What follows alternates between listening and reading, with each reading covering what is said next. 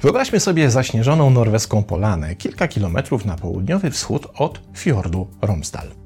Jest środek nocy, więc w mroku majaczą przycupnięte na śniegu trzy kudłate, potężne stwory. Trzy trole, żywcem wyjęte z nordyckich wierzeń, siedzą i knują pod osłoną nocy.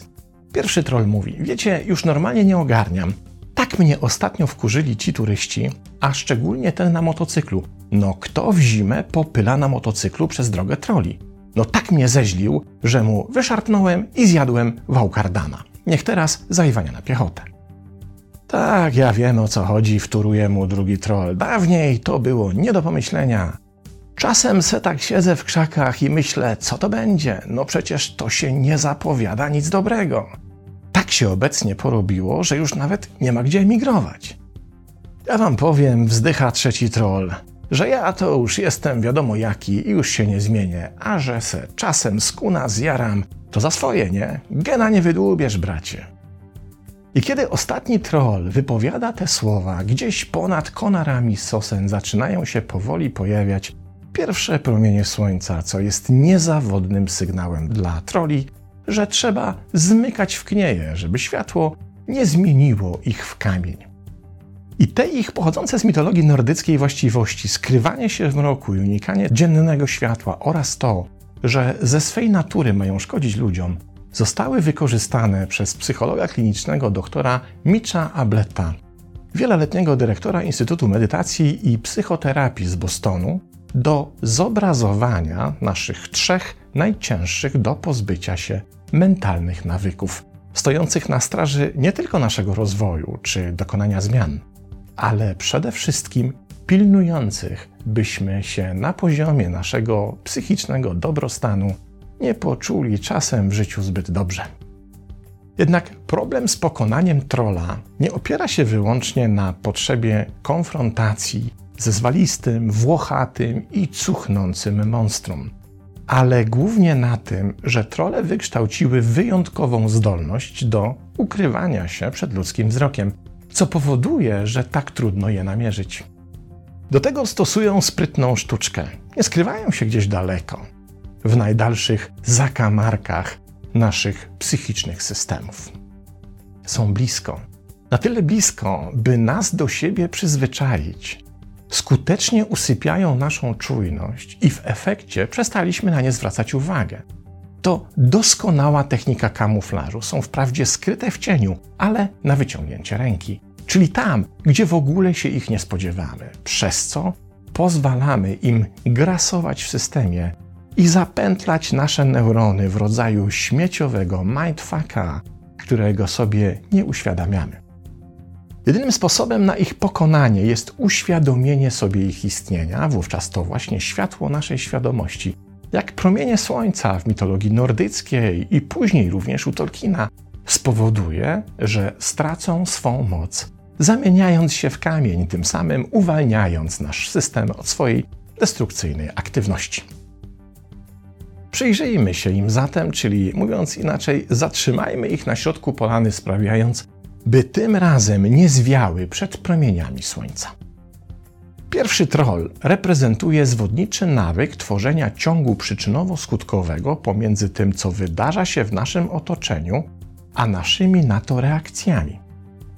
W tym nawyku za nasze reakcje obwiniamy wyłącznie to, co się wydarzyło i pomijamy fakt, że to my jesteśmy odpowiedzialni za to, jak reagujemy na dane wydarzenie, a nie samo wydarzenie. Tłumaczymy sobie, że zachowaliśmy się czy zareagowaliśmy w jakiś sposób wyłącznie dlatego, że coś nas do takiego zachowania czy reakcji sprowokowało. To wszystkie te konstrukty, w których uznajemy, że zdenerwowaliśmy się przez kogoś, że jesteśmy wściekli, bo coś lub ktoś tę wściekłość wywołało, czy w ogóle, że nasz obecny emocjonalny stan jest efektem pojawienia się jakiegokolwiek czynnika zewnętrznego. Tymczasem nasz emocjonalny stan jest efektem naszej reakcji na dany czynnik, a nie tego, że ten czynnik miał miejsce. To tak jakbyśmy przyłapali Stefana na przygnębieniu wynikającym z faktu, że Grażyna nie ma dzisiaj ochoty na łóżkowe igraszki. Otóż brak ochoty Grażyny jest faktem, ale przygnębienie Stefana jest pochodną jego reakcji na jej brak ochoty, a nie jej braku ochoty. Albo bardziej hardkorowy przykład. Oto zdenerwowana pani Jessica strzela pięścią prosto między oczy swojego męża Briana w ramach raczej słabo rozumianych małżeńskich metod wychowawczych. Następnie, kiedy Brian zalewa się krwią i łzami, Jessica wrzeszczy: Widzisz, do czego mnie doprowadziłeś? To wszystko przez ciebie. Pierwszy troll sprytnie lokuje zewnętrzne wydarzenie jako przyczynę wewnętrznej reakcji i chowa pod dywan prawdę.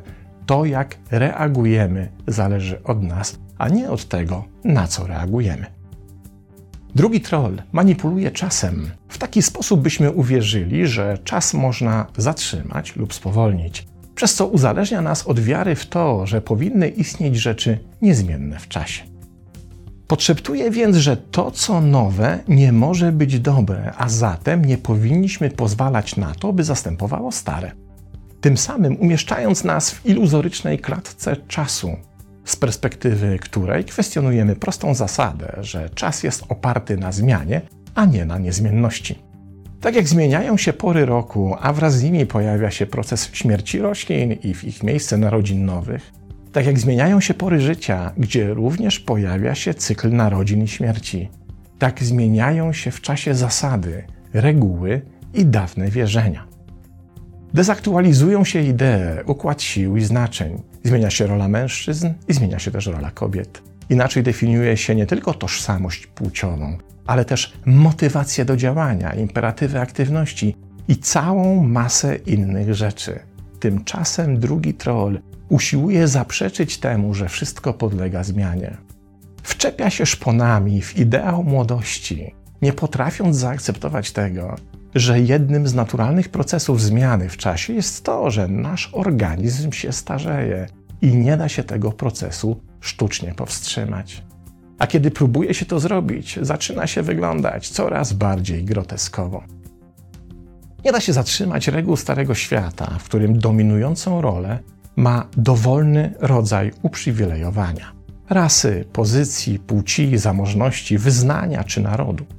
Nie da się zatrzymać eksodusu młodych ludzi z organizacji religijnych i związków wyznaniowych, bo to się dzieje na całym świecie. Nie da się na siłę przekonać młodego pokolenia do wartości podzielanych przez pokolenie stare. To iluzja, w którą mogą wierzyć wyłącznie trole. Nie da się też zatrzymać przewartościowania świata, jego dotychczasowych zasad ekonomicznych, militarnych czy komunikacyjnych, bo dotychczasowe formuły po prostu się wyczerpały i obecnie już wyłącznie temu światu szkodzą. Trzeci troll uznawany jest przez doktora Ableta za najgroźniejszego skurczybyka. To monstrum odpowiedzialne za konstrukt taki już jestem, ja już tak mam, ja już się nie zmienię, co jest zaprzeczeniem istoty ludzkiego rozwoju. To troll przekonujący nas o niezmienności naszych cech, co jest kolejną iluzją, co do czego świat nauki już się zorientował, chociażby po przełomowych odkryciach badawczych Carol Dweck. Jednak tkwienie w przekonaniu o swojej niezmienności nie tylko wzmacnia destrukcyjną aktywność dwóch pozostałych troli, ale przede wszystkim zamyka nas za życia w pięknej dębowej skrzynce, a to jedyne miejsce, w którym rzeczywiście żadna zmiana już nas nie musi ruszać.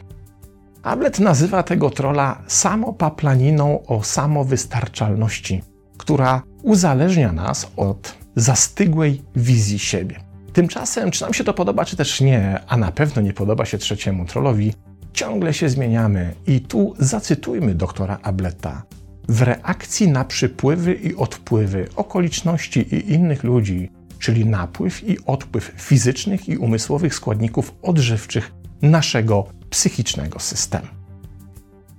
Im bardziej tkwimy w samouzależnieniu od niezmiennej wizji siebie, tym trudniej radzimy sobie z wyzwaniem polegającym na pozbywaniu się z systemu tego, co w nim wadliwe i sprawiające kłopot, oraz takim systemowym zarządzaniem, by w trudnych okolicznościach korzystać z naszych najlepszych zasobów dedykowanych do ich obsługi.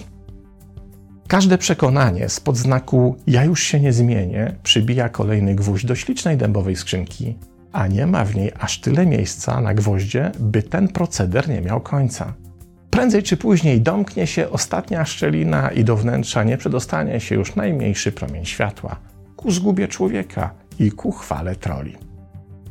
Żeby wymienić wszystkie konsekwencje harcujących i nieniepokojonych w naszym systemie przez lata troli, nie starczyłoby kolejnych 10 mini wykładów. Zresztą wystarczy rozejrzeć się dookoła.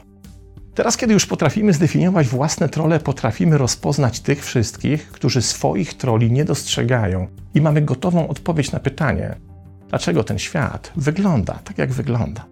Tymczasem trole nie są niezwyciężone. Co więcej, istnieje wiele skutecznych metod na ich pokonanie, od technik opartych na uważności, przez praktyki wykorzystujące mechanizm deformowania nawyków, aż do narzędzi dedykowanych zmianie przekonań. Jednak zawsze podstawowe prawo walki z trollami pochodzi z tego samego źródła, co trollowa metafora z mitologii nordyckiej. Trole są silne tylko wówczas, kiedy skrywają się w mroku naszej nieświadomości. Zabija je światło słońca, na które je z mroku wystarczy wyciągnąć. Pozdrawiam.